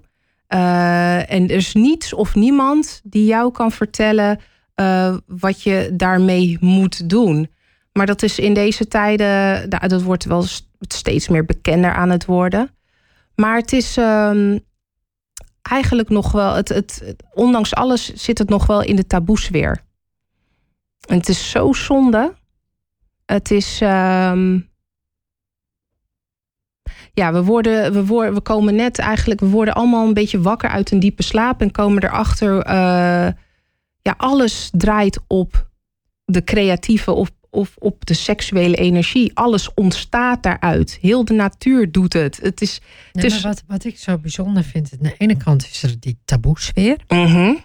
En aan de andere kant worden we echt plat gegooid met, ja, met seks. Dat is, uh, het is heel tegenstrijdig. De, de, die, je hebt die ene porno-site. En ik las laatst dat. zijn er heel veel. Nou, die, het is, eentje is wel. Nou, YouPorn is, ik weet niet meer welke het was. Maar die werd. Nou, ik denk per dag. Weet ik veel. Uh, vijf miljard keer of zo bezocht. Per Wauw. dag. Je zou bijna niet denken dat het taboe is. Nee, nee, maar dit is dus wat ik bedoel. Het is dus misschien wel taboe. Maar daar, omdat je gewoon op internet kan kijken, zeg maar. Hè? Uh, maar er gebeurt gewoon veel uh, op dat gebied. Mhm. Maar, uh, het, is niet, het is niet gewoon wat er. in de, en mensen blijken, ja, kijken dus wel naar porno de hele tijd, maar -hmm. kunnen er dus niet gewoon over praten. Ja, het is, daar zijn eeuwen overheen gegaan, hè? van onderdrukking en in een mal, in een religieuze mal gegoten worden.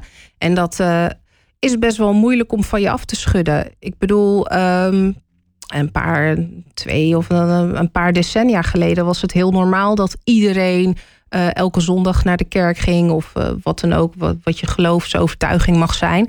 Um, ja, dat, het is jaren, jaar in jaar uit zijn we allemaal op een bepaalde manier gekneed om op een bepaalde manier over seks te denken. En het is heel moeilijk om dat van je los, van je, van je los te schudden eigenlijk. Maar juist omdat het zo. Omdat niemand erover praat, omdat het zogenaamd iets is wat alleen binnen het huwelijk hoort plaats te vinden, is het heel interessant. En dan krijg je dus uh, ja, porno-sites. Uh, nou, vroeger had je van die sekscinema's, geloof ik. Uh, ja. Ja, dus, die, dus je zegt eigenlijk, ja. Dus het is, het is dus blijk. Ja, het is, het is dus ons wel, opgelegd. Precies. Ja, dat maar het. Hoe, hoe dan anders? Hoe dan anders? Je, zou je zeggen, weet je, want ze zeiden in de jaren zeventig vrije seks. Wat ik dacht, wat ik nu achteraf denk, nou zo vrij was die seks helemaal niet. Weet je wat ik bedoel? De, er werd net gedaan alsof het vrije seks was. Weet je, zo komt het nu op mij over. Maar uh, ja, hoe, hoe zie jij dat? Hoe, hoe, je daar, uh, hoe je daar los van kunt maken? Ja, hoe je, en, maar ook hoe, zeg maar, het idee wat wij hebben over uh, seksualiteit, is het wel zo vrij? Is het, ja, hoe kunnen we juist op een andere manier erover denken? Ja, al het verstaan begint met uh, creatie, uh, a.k.a. seksuele energie. En het is helemaal van jou. Het is jouw lichaam. Hè? Het, het is. Het begint ook allemaal met jou. Genieten van seks, uh, echt, echt kunnen genieten van seks en je eraan kunnen overgeven, begint bij jezelf. Het begint met jezelf ontdekken, weten hoe je in elkaar steekt, weten hoe je eruit ziet. Uh, dus uh, kijk vooral in de spiegel. dat je bedoelt vooral vrouwen. Ja, vrouwen. Kijk, want mannen worden dagelijks uh, meerdere keren per dag met hun fluiten of met hun penis geconfronteerd. Ja, dan moet ik ook gewoon een beestje bij de naam noemen. penis. Mannen, uh, vanaf jonge, jongetjes vanaf kleins af aan weten heel goed hoe hun penis eruit ziet, hoe het aanvoelt en wat lekker is en dat soort dingen. Maar bij meisjes, bij ons begint het al van dat wij het niet goed kunnen zien, maar dat heel veel mensen het gezien hebben, onze vulva gezien hebben, voordat wij het zelf mogen aanschouwen. Ja, dat klopt niet. Dus het begint allemaal bij jezelf. Ga jezelf ontdekken. Masturbatie is zo belangrijk. Uh, ja, het, het, al het verstaan begint bij jezelf. Niemand anders is de baas over jou en jouw lichaam. Dat is wat mensen moeten weten. En uh, tuurlijk, seks, uh, als je seks in zijn bloot laat, dan gaan er op een gegeven moment kinderen geboren worden. Absoluut.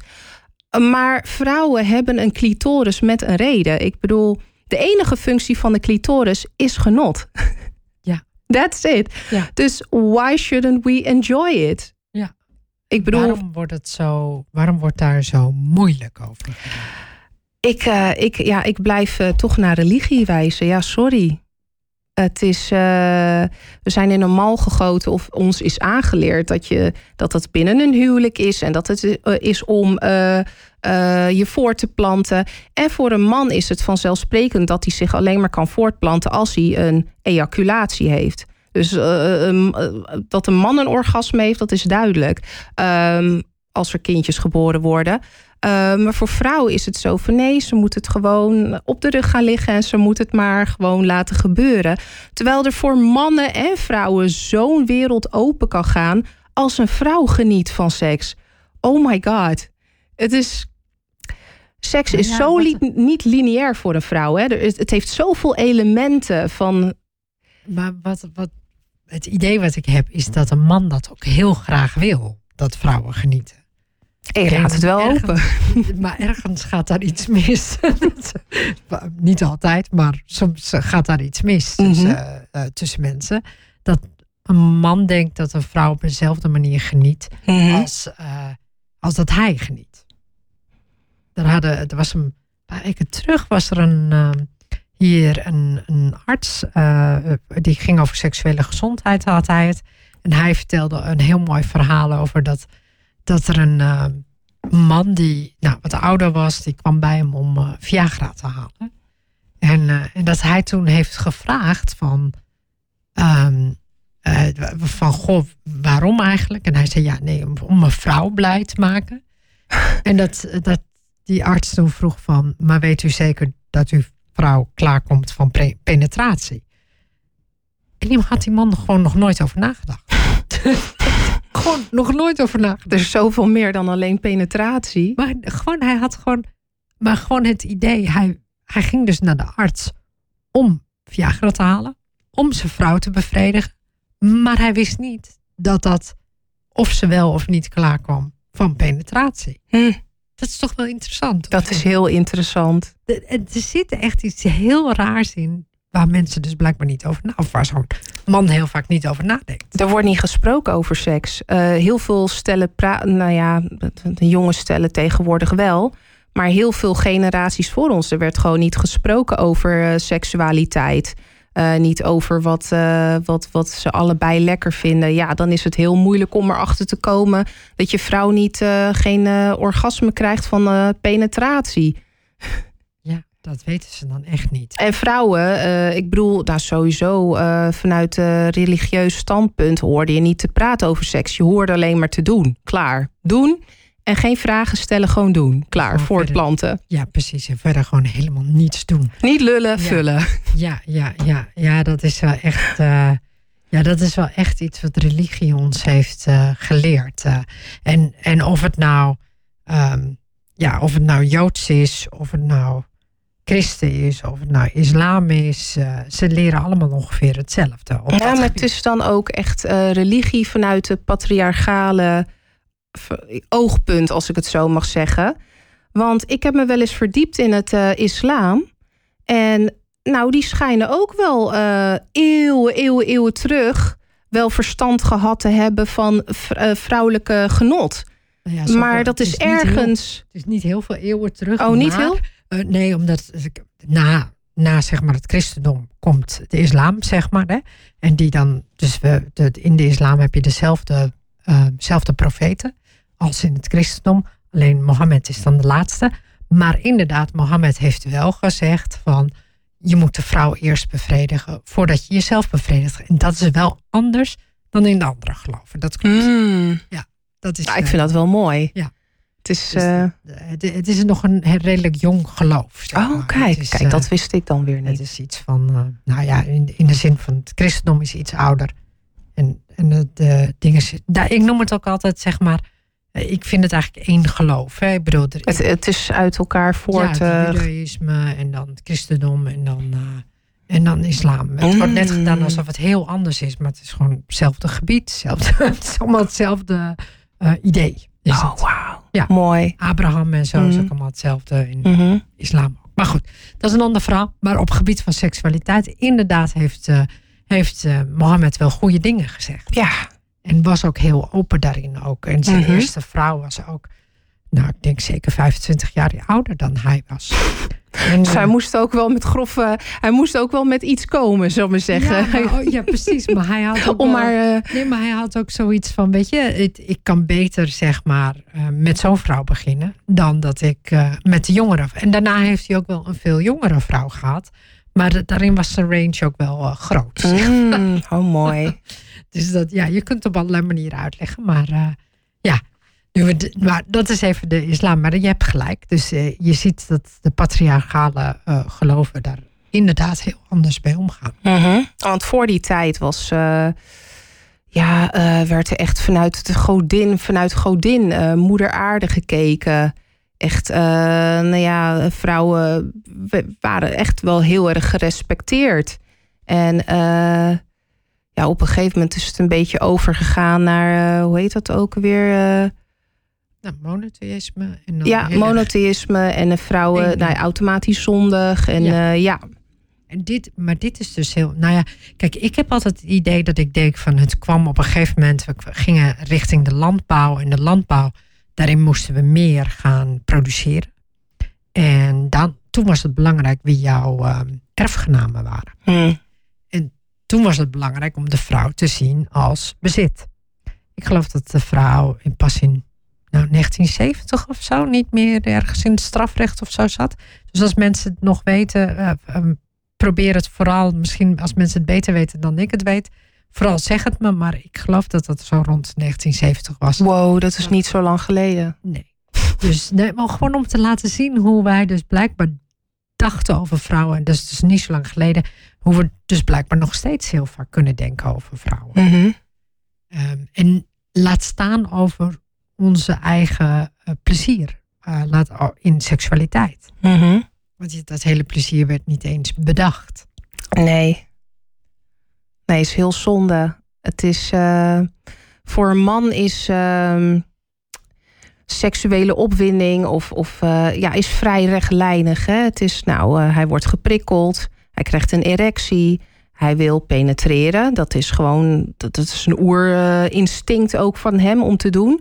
En uh, nou, dan, dan gebeurt dat. En dan komt hij op een gegeven moment tot een crescendo. Hij, krijgt een orgasme. En dan is het klaar.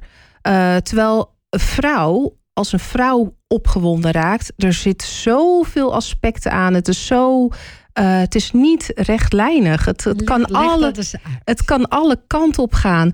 Um, ja, wat heel veel uh, mensen niet weten, is dat een vrouw zo, wat is het, 30 tot 40 minuten nodig heeft om helemaal klaar te zijn uh, voor, voor penetratie of voor uh, wat, wat voor seksuele handelingen dan ook wil uitvoeren.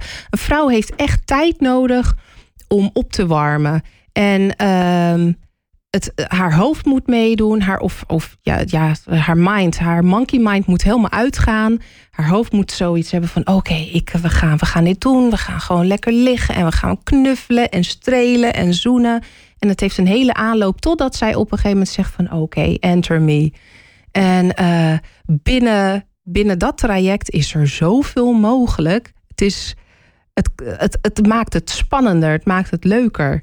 Het lijkt mij voor een man ook best wel leuk als het uh, niet meteen uh, zo. Hè, ja. dat, dat het een spel, dat het een dans wordt. Maar, maar het lijkt soms alsof, trouwens niet met alle mannen, maar dat uh, heel veel mannen zoiets hebben van: oh, het liefst zo snel mogelijk en het liefst nu. Maar dat is ook wat porno heel erg leert ja. natuurlijk. Hè. Bij porno is het gewoon readily available. Ja. En, en, en de vrouwen in de filmpjes doen ook altijd net alsof ze ook al klaar zijn, altijd paraat. Altijd paraat. Ze vinden het ook altijd leuk. Alles wat die man doet, zegt. En het zijn meestal, trouwens, voor alle mannen ook. Het zijn meestal hele enge mannen. Die, dat je echt denkt, oh, weet je, dat is, wat, wat is dat? Ik weet niet, welke vrouw daarmee Dat dunne staartje. En maar, ook, maar ook het feit dat... Maar misschien doen die, doen die mensen die porno opnemen dat wel expres. Zodat elke man kan denken van, ik zie er toch echt beter uit dan hem. maar zit hier zo, zoiets raars in, weet je. Want, en die vrouwen met die grote opgeblazen borsten en die... Ja, ja die helemaal kaal en, en het is allemaal helemaal... Ja. cookie cutter, ja, ja. Ja, en het ziet er eigenlijk niet uit. En, maar dus het is allemaal readily available. Nee. Dus op dat moment, en het kan direct, en het mag direct. En, en daar worden heel veel kinderen vrij vroeg mee geconfronteerd. Zo'n beetje als ze naar de middelbare school gaan. Uh, dan gaan van die filmpjes rond op de telefoon. En dan zien ze van een vrouw altijd... Uh, die vindt het allemaal fijn, altijd gillen. En uh, gillen. inderdaad een bepaalde perfecte vulva. Ja.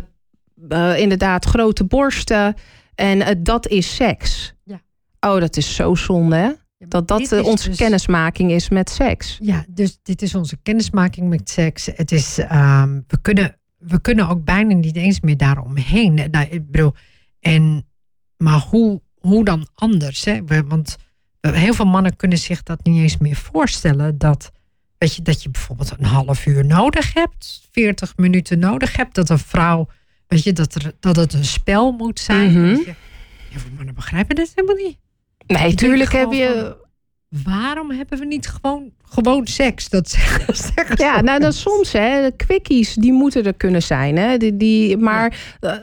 als je naar zo'n quickie toe werkt, dan kan je als vrouw ook van zero naar 100 gaan, omdat je weet dat die quickie komt en je staat ervoor open, letterlijk. Ja, ja dan is het leuk. Maar het is niet zo dat, het, uh, dat uh, alle gemeenschappelijke momenten, uh, vleeselijke momenten zo gaan. Nee, absoluut niet. Meestal heb je daar echt wel als vrouw een opwarmtijd voor nodig. En mag je daar als vrouw zelf gewoon de tijd voor nemen. Ik bedoel, hoezo moet jij er nu in? Nee, je gaat, je gaat nu daar liggen en je gaat naar me kijken, klaar. En je gaat helemaal gek worden. Maar nu, je gaat helemaal niks doen. Je gaat helemaal niks doen, ja. je gaat alleen maar kijken en je ja. gaat helemaal gek worden. Ja. Nou, dat kan je als vrouw kun je dat aansturen. Ja, en dat, dat is wel, maar dat is wel goed dat je dat zegt. Want je zegt, als vrouw kun je dat aansturen. Dus Mhm. dat is eigenlijk Jij zegt dus eigenlijk van jij bepaalt het ritme.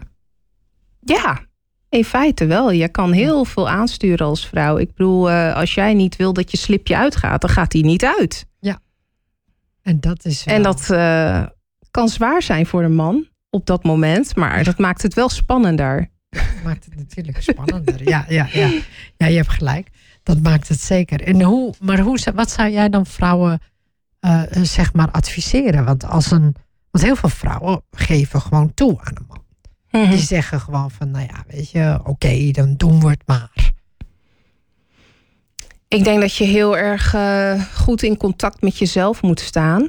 Uh, zodat je dicht bij jezelf kunt blijven. En ook kunt voelen van, goh, niet vandaag. Vandaag heb ik geen zin. Of uh, ik ben heel erg moe. Misschien een ander moment. Of het, het, het vergt heel veel. Uh, ja, je moet stevig gegrond zijn in jezelf. om te kunnen uitspreken wat je nodig hebt. Of uh, je grenzen te kunnen aangeven. zonder dat je iemand uh, persoonlijk afwijst. Dat is natuurlijk ook wel een kunst. Het gaat de ene keer beter dan de andere keer. Dat laten we daar heel eerlijk over zijn. Maar het begint allemaal met goed in je vel zitten. Dus echt embodiment echt in je lichaam zitten, voelen, sensaties, alles van wat er is op dat moment en daar vanuit handelen. Maar hoe doe je dat dan, Vivian? Hoe kun je nou embodied zijn? Embodied zijn, ja. Het is de ene keer ben je meer embodied dan de andere keer, maar het is. Um, ja, dingen als meditatie kunnen erbij helpen. Bij mij helpt dans heel erg. Ik ben de laatste tijd heel erg van de dans, bewegen. Gewoon in mijn eentje op mijn kamer. Uh, bewust worden van de sensaties in mijn lichaam.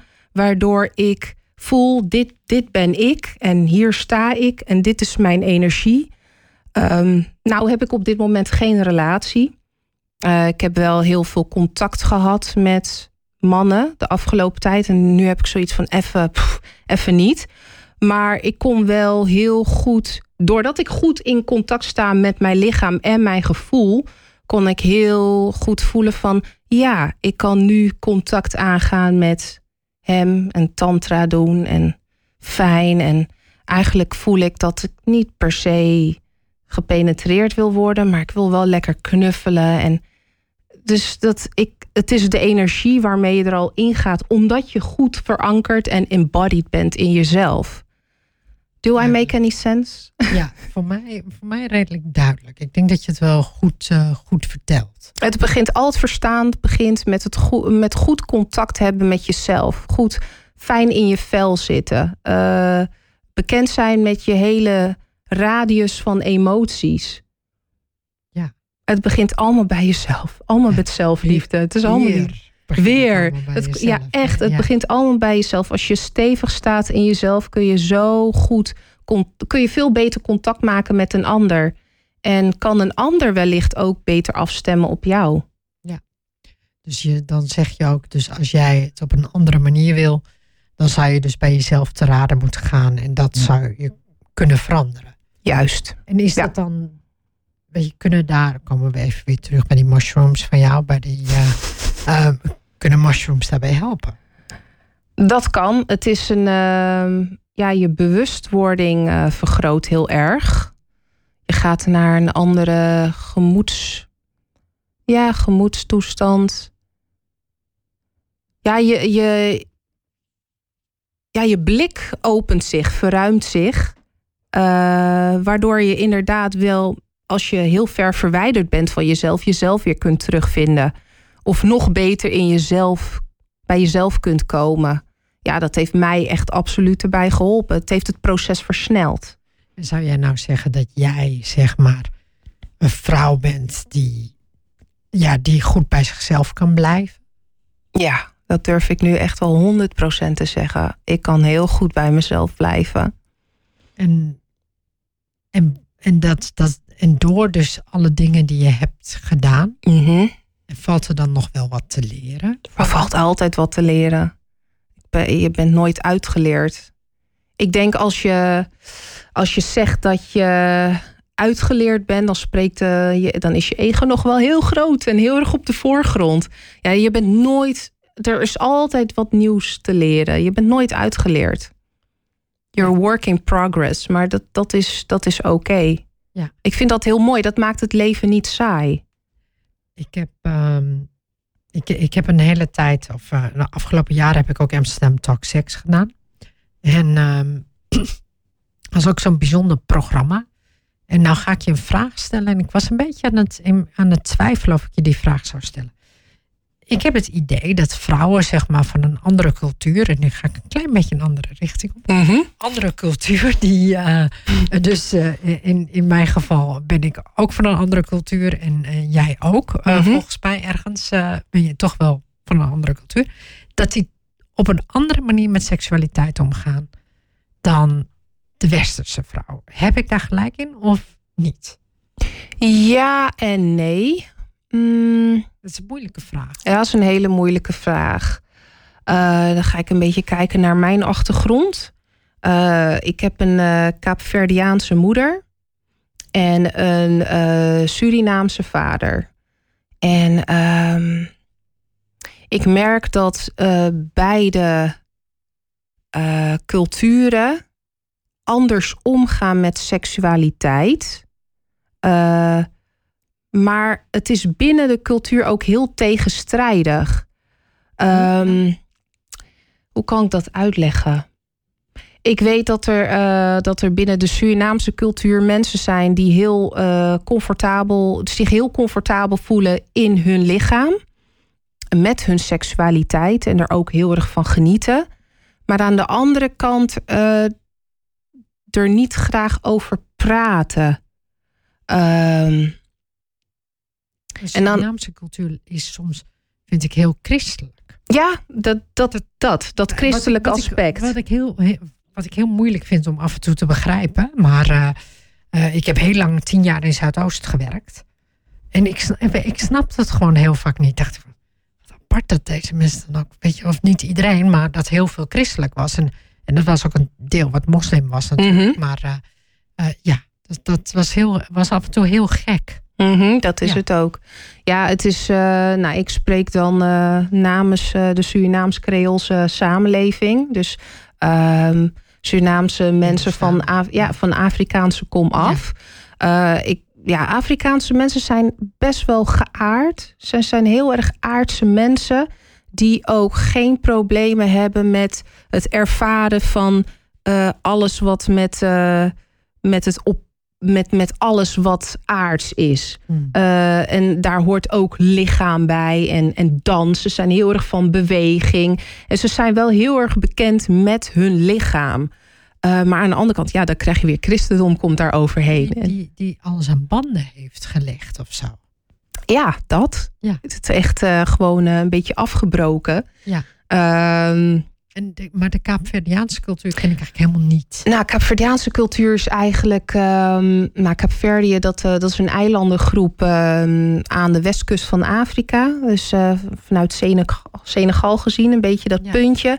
Daar een rechte lijn, daar liggen de Kaapverdische eilanden. Uh, de mensen daar zijn een mix van Europees en Afrikaans. Dus ze zijn een beetje half om half, uh, om en nabij.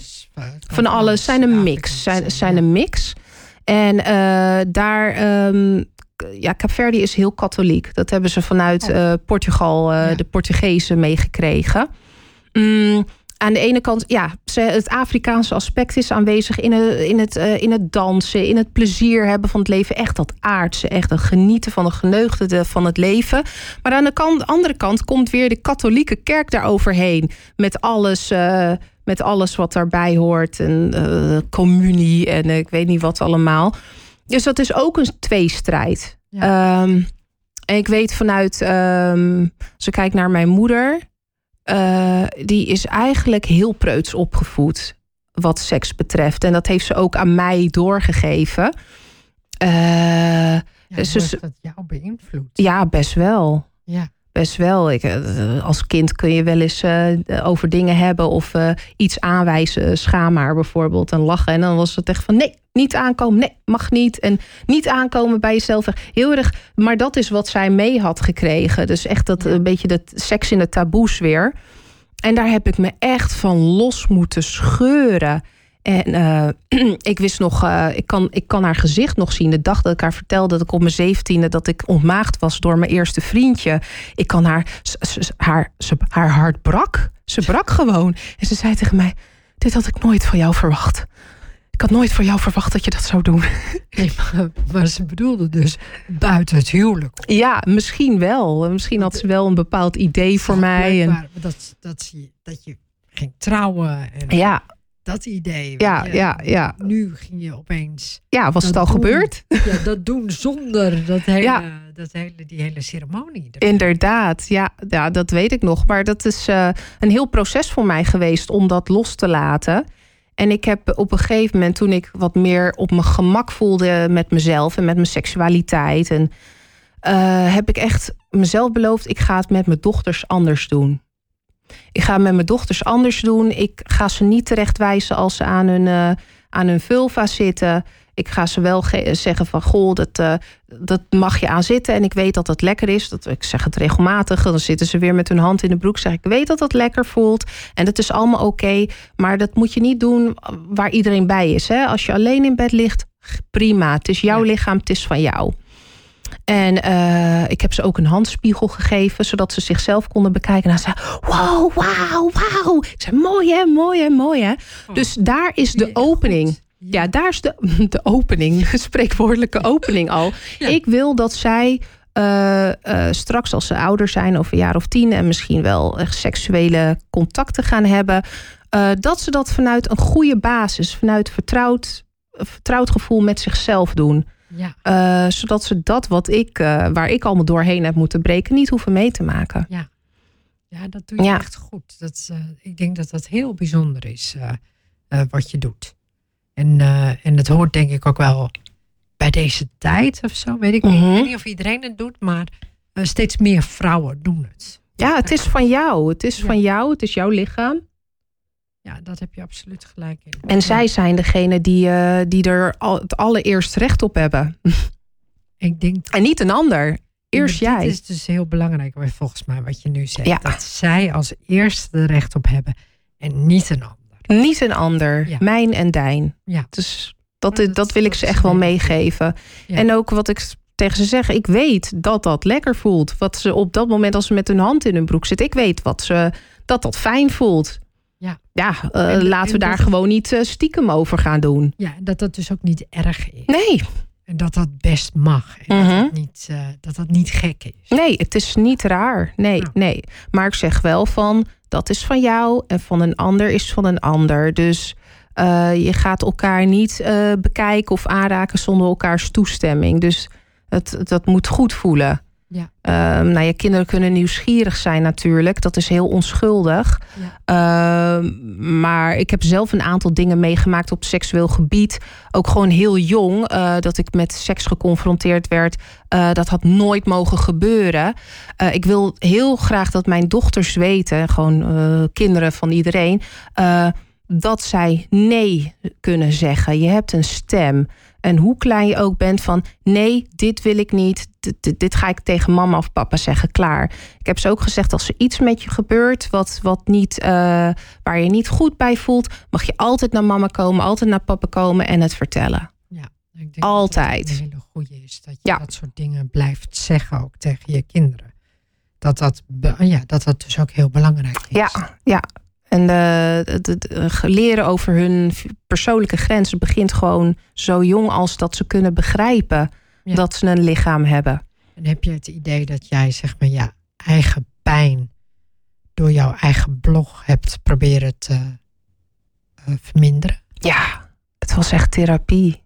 Het is nog steeds therapie. Uh, ik, ben, ik ben heel erg gek op schrijven. Uh, nou doe ik het niet zo vaak meer als ik het zou willen doen. Uh, ik wilde, mijn, mijn intentie was om wekelijks te bloggen. Maar goed, het uh, life happens. Ik heb het wel eens druk en dan denk ik, oh, dan stel ik het even uit. Maar het is therapie. Schrijven is therapie voor mij. En om te, door te schrijven over wat ik meemaak of meegemaakt heb, uh, verwerk ik ook heel veel. Omdat ik op dat moment ook gewoon compassie voor mezelf kan voelen. Alsof een ander mij dat, dat verhaal vertelt. En die van potverdorie, ik ben die ander. Ik, ik heb dit meegemaakt en wauw, en het is erg. En, maar het is oké en je kon er niks aan doen. Ja, het is echt uh, therapie eerste klas. Gewoon erover schrijven. Ja, ik denk dat dat ook wel... Uh, daar heb je ook wel weer gelijk in. Dat dat een... Ja, de, maar ik... en, en zeg maar de dingen die je schrijft dan, hè. Um, dus je zegt dat het therapie is, maar want hoe lang doe je dit nu al? Zeg maar dat schrijven. Ik ben begonnen met bloggen in augustus 2018 of 2018. Ja, 9 augustus 2018 schreef ik mijn eerste blog. Ja, dat is echt gewoon precies drie jaar, uh, drie jaar terug. Ja, verrek. Ik, het, is, het is inderdaad vandaag drie jaar geleden, 9 augustus 2018. Heel, heel ja, volgens mij 9 augustus was ja, het. Je, noem, je noemde het ook 9 ja. augustus. Dat ik ja, hey, we zijn drie jaar later. Precies, we zijn exact drie jaar later. Ja. En, uh, maar je hebt nog steeds dus wel. Uh, het zijn niet allemaal dingen waar je mee zit, waar je over blogt. Nee, neem ik nee, nee. Um, en wat is bijvoorbeeld het meest gelezen? Uh, op dit moment is dat uh, blog, ik vind dat zo fascinerend, masturbastische magie. Wat is dat? Masturbastische magie. Nou, dat is eigenlijk uh, manifesteren door middel van je orgasmes.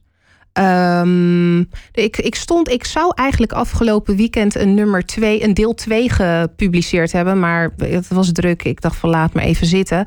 Maar waar ik in masturbastische magie eigenlijk over praat, is dat je uh, door middel van dat je, nou ja, ook weer, je werkt met je onderbewustzijn. Je kunt in je onderbewustzijn echt heel veel ehm, ja, slechte opvattingen over jezelf of over een ander hebben. Of een, hè?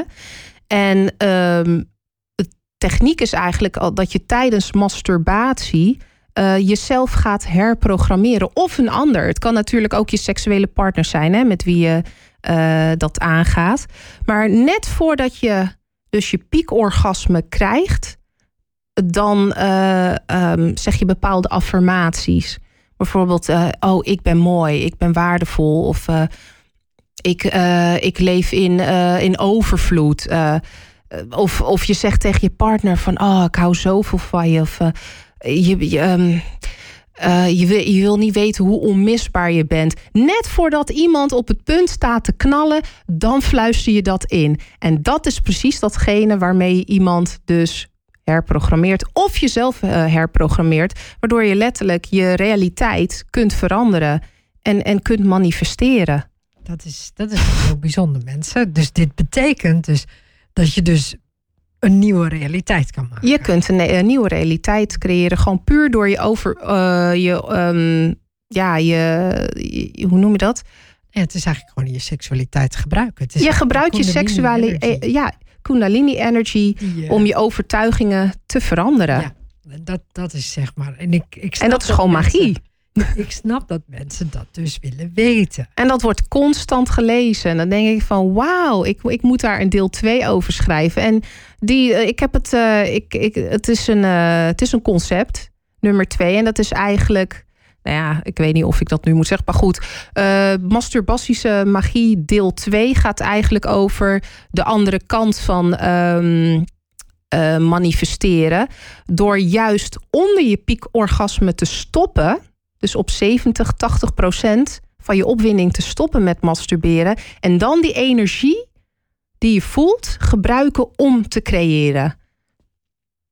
Ken je Kim Anami? Natuurlijk. Kim Anami. Zij heeft het dus daarover. Ja, Daar is het dat, ja. dat je you harvest your sexual ja. energy. Je oogst eigenlijk gewoon datgene wat, wat zich opbouwt. Wat, dat, gebruik, dat zet je dan, in plaats van dat je het eruit gooit, zet je het in om uh, dan een nieuw blog te schrijven of uh, een website te creëren of wat dan ook. Een, een geweldige taartrecept uh, uit te proberen. Ja. De vraag was natuurlijk ook van hoe kom jij bij deze dingen? En ja, gewoon doen, ontdekken. dus je doet het ook gewoon, maar werkt ja, hoor. het dan nog? Ja, het werkt. Het werkt, maar ik moet wel heel eerlijk zeggen, ik ben heel goed in het herprogrammeren van mezelf, van mijn overtuigingen. En ik kan ook andere uh, bedpartners dingen influisteren aan uh, de moment. Uh, maar waar ik heb daar veel mee kunnen manifesteren. Maar wat ik heel moeilijk vind, is stoppen op 70, 80 procent en dan zeggen: ah, nu ga ik een blog schrijven. Nee, dat kan ik niet. Dat kan ik niet. Ik, ik wil gewoon over het randje heen gaan. Ik kan niet zeggen: hier stop ik. Dat voelt zo onaf voor mij. Dus dat is iets, dat ga ik ook schrijven in mijn blog. Dat is iets waar ik nog mee oefen. Uh, en uh, ja, daar stand er echt geweldig voor. Om. Uh, je energie te harvesten. te circuleren. Ja, in die edge te blijven. En ja. weer te circuleren natuurlijk. En, kan jij dat? Nou, het, ik, en er zijn heel veel andere orgasmes oh. mogelijk. Weet je wat, dat is wel grappig. Want je, je, vraagt me dat en dan denk ik van, oeh, ik vind het moeilijk om erop te antwoorden. Omdat uh, uh, ik, ik, heb soms wel eens mensen die mij bellen en uh, die, die gekke dingen aan mij zeggen. Dus ik ben altijd heel voorzichtig met met de dingen die ik vertel. Um, en, dat, en dat komt gewoon omdat dat soms mensen kunnen, kunnen het niet zo goed begrijpen waar, uh, waar, je, het nog over, uh, waar je het nog over hebt. Mm -hmm. Maar het circuleren van energie, ja. En uh, andere soorten orgasmes ook, ja. maar dat, dat, dat heeft wel een tijdje geduurd. Ja, het is echt een oefening, hè? Het is, je moet daar echt mee, ja. je kan jezelf daarin trainen. Oefening en overgave. Oefening en overgave en, en goed ademen. Ja, en door blijven ademen. En, en, veiligheid voelen. Met die persoon ook. Veiligheid ja. voelen dat het allemaal mag en dat het kan. Weet ja. je, dat, dat soort dingen. Dus er zijn best wel veel ingrediënten die je nodig hebt om, om die verschillende dingen te kunnen doen. Wauw. Ja, ik heb één keer een uh, cervical uh, orgasm gehad met een, uh, een, een, ex van jaren terug. Ik wist niet wat me overkwam. En ik realiseerde me op dat moment eigenlijk niet zo goed wat er gaande was. Tot jaren later. Ik dus nu daarmee. Ik dacht, wacht even. Het was een cervical orgasm. Want ik werd heel emotioneel. Ik moest, het was zo intens. Ik moest zo hard huilen. En hij lachte van, are you okay? Ik zei, ja. Ja, yes, I'm okay. Maar dat was, nou ja, dat is, ik heb dat één keer gehad en daarna nooit meer, uh, die cervical. Maar ik, ik wil dat, uh, dat gebied echt nog wel verkennen. En dat heeft dus zeg maar die tijd nodig en die, uh, zeg maar, de persoon met wie je bent, weet je wel, of je het mm -hmm. toelaten of niet. Mm -hmm. en, en, dan heb je natuurlijk ook squirting orgasms, um, G-spot orgasms. Nou, je, wow. kunt er, je kunt er nog behoorlijk wat, wat gaan doen. Uh, er is veel te doen op dat Ja, dus oh, joh, heerlijk. Ja. En, maar wat dan ook het mooie daarvan is, tenminste, dat vind ik, is dat je, je komt elke keer een andere laag van jezelf ook weer terecht. Dat is waar. En dat doet, dat doet die seksualiteit zo mooi. Precies hetzelfde. Of niet, niet hetzelfde, maar weer op een andere manier als de mushrooms dat doen andere manier als ayahuasca dat doet. Het is ook gewoon weer helemaal van jezelf. Net als je adem, uh, als je ademhaling. verbonden ademhaling doet. Ja. Uh, het is je, je eigen lichaam doet dat. Nou, dat is ja. dan ook uh, met je seksualiteit, neem ik aan. Ja, en, en hoe bijzonder zou het zijn als mensen dit ook zouden kunnen voelen, ervaren. In plaats van dat we allemaal naar dat porno gaan kijken en denken van ja, precies. Je, je trekt er al een gezicht van. nou ja, dus weet je, op zijn tijd een, een, een, vies filmpje. Nou, ik ben daar zelf ook niet vies van hoor. Dat geef ik gewoon toe. Ja hoor, ik, zie, ik, deze, soms denk ik ook van...